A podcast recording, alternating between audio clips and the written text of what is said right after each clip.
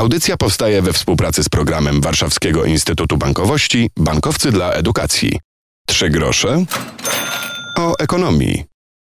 Piotr Topuliński, dzień dobry. Z nami jest Mateusz Grochowski z Uniwersytetu Medycznego w Białymstoku, nowy przewodniczący Parlamentu Studentów RP. Dzień dobry, cześć.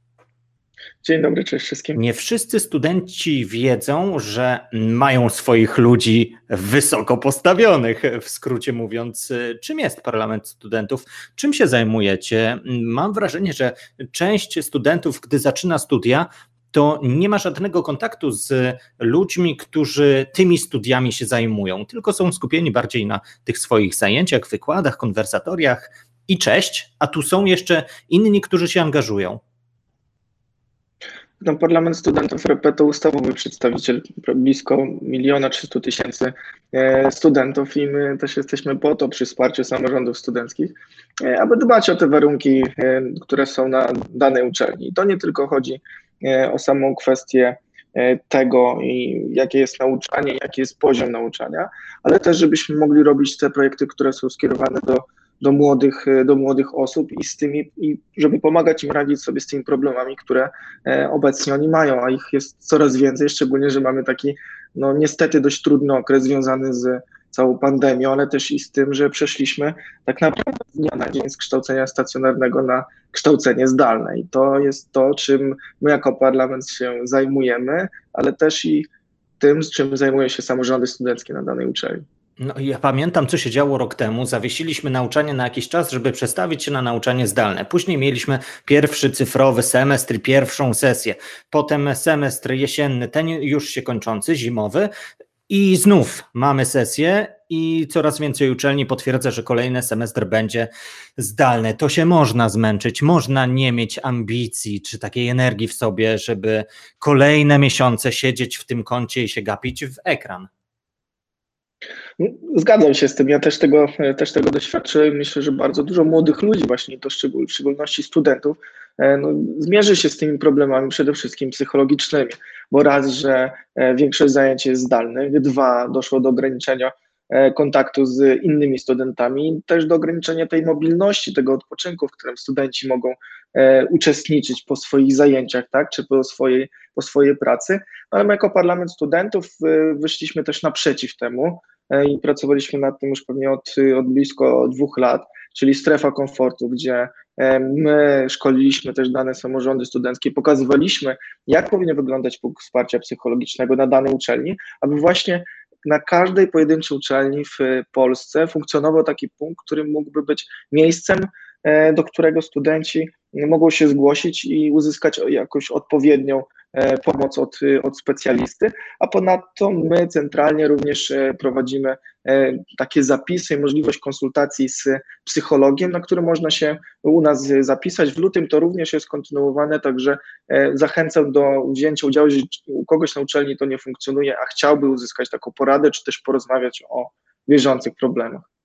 Problemy to również te związane z pracą. Ponad milion studentów, no, większość pracuje, większość, część z nich, jeśli może, to pracuje z domów. Nie wszyscy jednak to mogą robić, bo pracują w takich branżach, które przeżywają zamknięcie czy ograniczenia, choćby gastronomia. Jak patrzycie na te sprawy związane z pieniędzmi?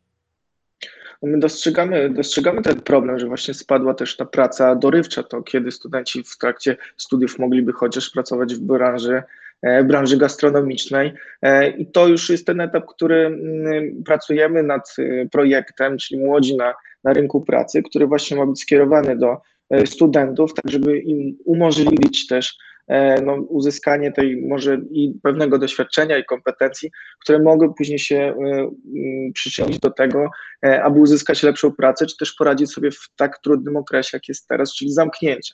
Aczkolwiek musimy o tym pamiętać, żebyśmy nie skupiali się tylko i wyłącznie na tym, że mamy teraz lockdown i to, że jest pandemia.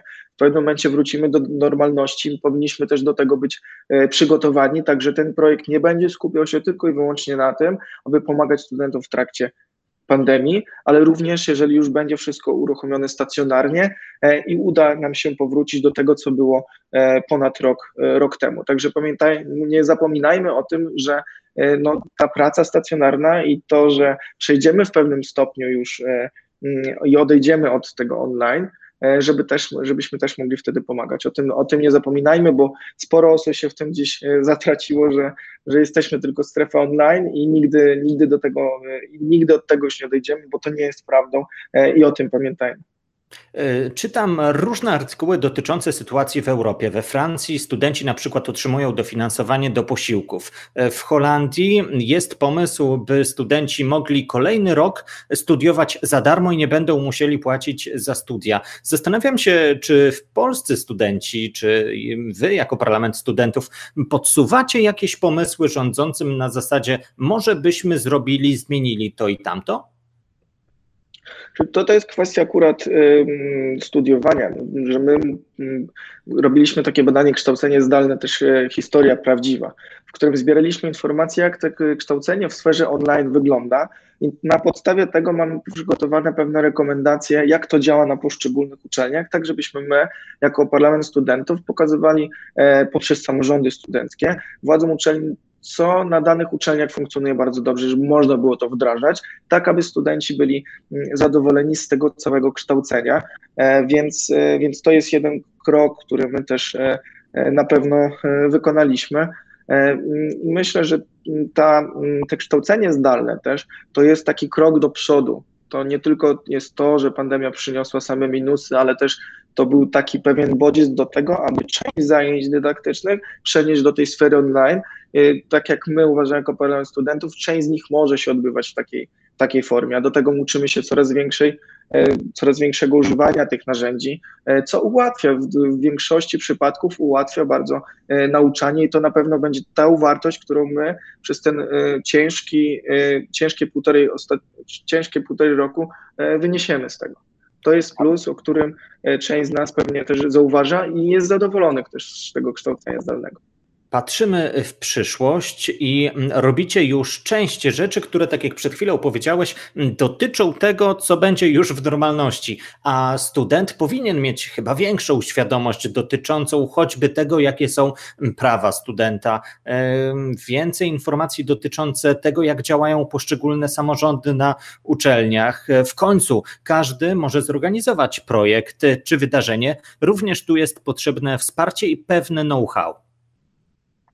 Tak, no my jako Parlament Studentów, my też oferujemy szeroką, szeroką gamę szkoleń, w których dane samorządy studenckie mogą też skorzystać, ale że odnosimy się też do pojedynczych spraw dotyczących y, praw studenta, czy nawet łamania praw studenta, no to y, Parlamencie Studentów RP e, działa Rzecznik Praw Studenta, do którego można się zgłosić za pomocą albo helpdeska PSRP strony, bądź też bezpośrednio na maila rps.psrp.org.pl i wtedy e, nasz rzecznik, który e, odpowiada na te pytania i problemy, też jest wsparciem w przypadku łamania praw studentów. Oczywiście to się nie odnosi tylko i wyłącznie do osób studiujących w języku polskim, ale również do osób które przyjeżdżają do nas z zagranicy i mówiące tylko i wyłącznie na przykład w języku e, angielskim.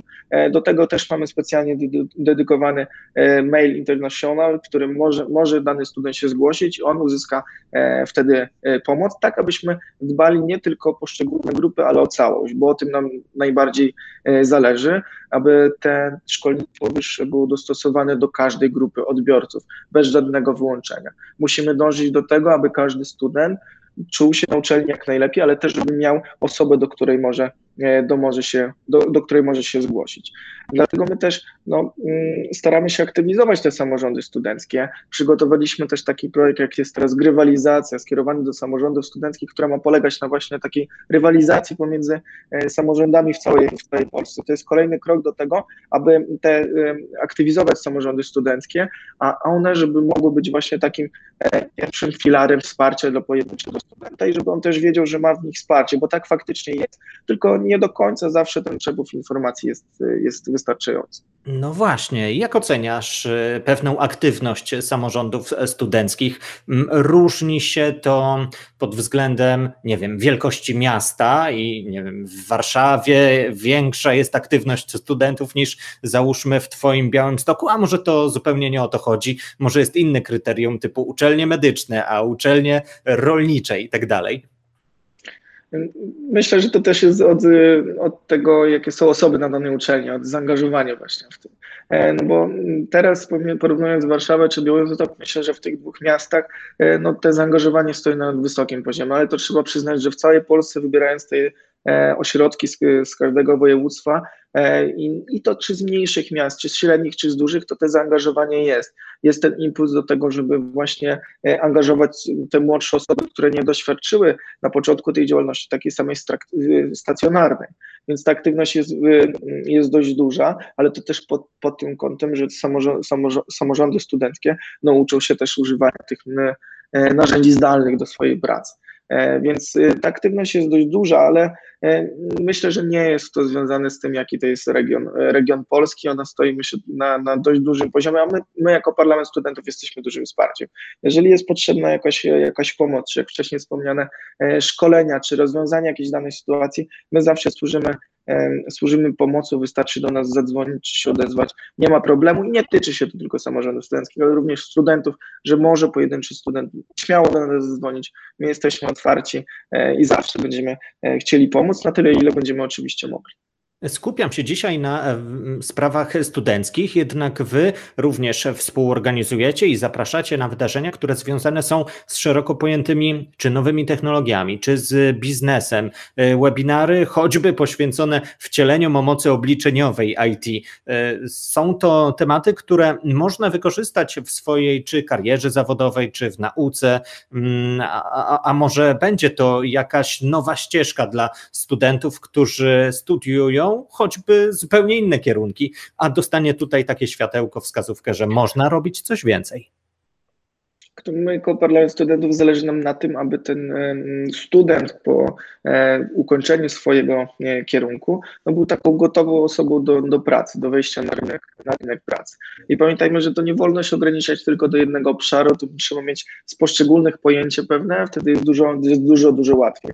My jesteśmy po to, żeby dawać alternatywy w każdym z tych obszarów, czy to właśnie przy webinarach z samej e, cyfryzacji, czy też do rozwoju działalności naukowej, to chociażby ten projekt Forum Kół Naukowych, gdzie zbieramy te koła naukowe, informacje, bazy danych, ale też oferujemy chociażby szkolenia z umiejętności miękkich, czy tego, jak pozyskiwać dane środki e, na badania, chociażby też pracy, pracy zespołowej, e, bo jak wiemy, no, uczelnia to nie tylko i wyłącznie samo same, same kształcenie i studia, ale to również też i rozwój naukowy, działalność naukowa, sport akademicki e, i kultura studencka. I mówię tutaj o kulturze studenckiej nie tylko i wyłącznie o juwenaliach, bo bardzo dużo osób się skupia na tym, ale też to są i chóry akademickie, i pewne i kabarety, i inne zespoły, które tą kulturę e, promują. Dlatego mm, kompletna uczelnia to jest ta, która się skupia na tych czterech elementach, o których wcześniej, o wcześniej wspomniałem.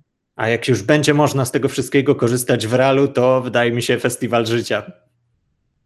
Dokładnie. No. Tylko na, czekać na to.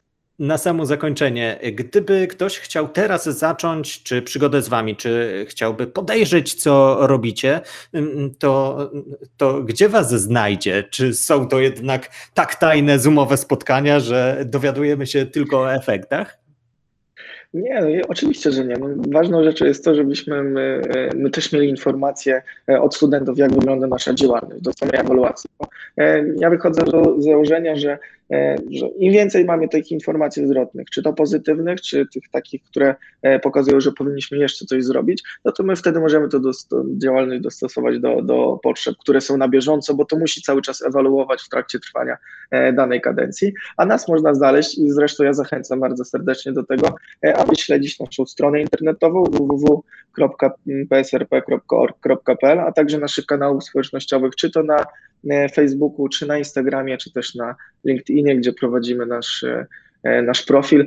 Także serdecznie zachęcam do tego. E, mamy sporo akcji w przyszłości one jeszcze więcej będzie się pokazywało, z których każdy student będzie mógł e, skorzystać, a to dla nas jest najważniejsze, aby wspierać studentów w tej, jej, ich przygodzie ze szkolnictwem wyższym i wspierać we wszystkich elementach i też, czy też problemach, z którymi się borykają.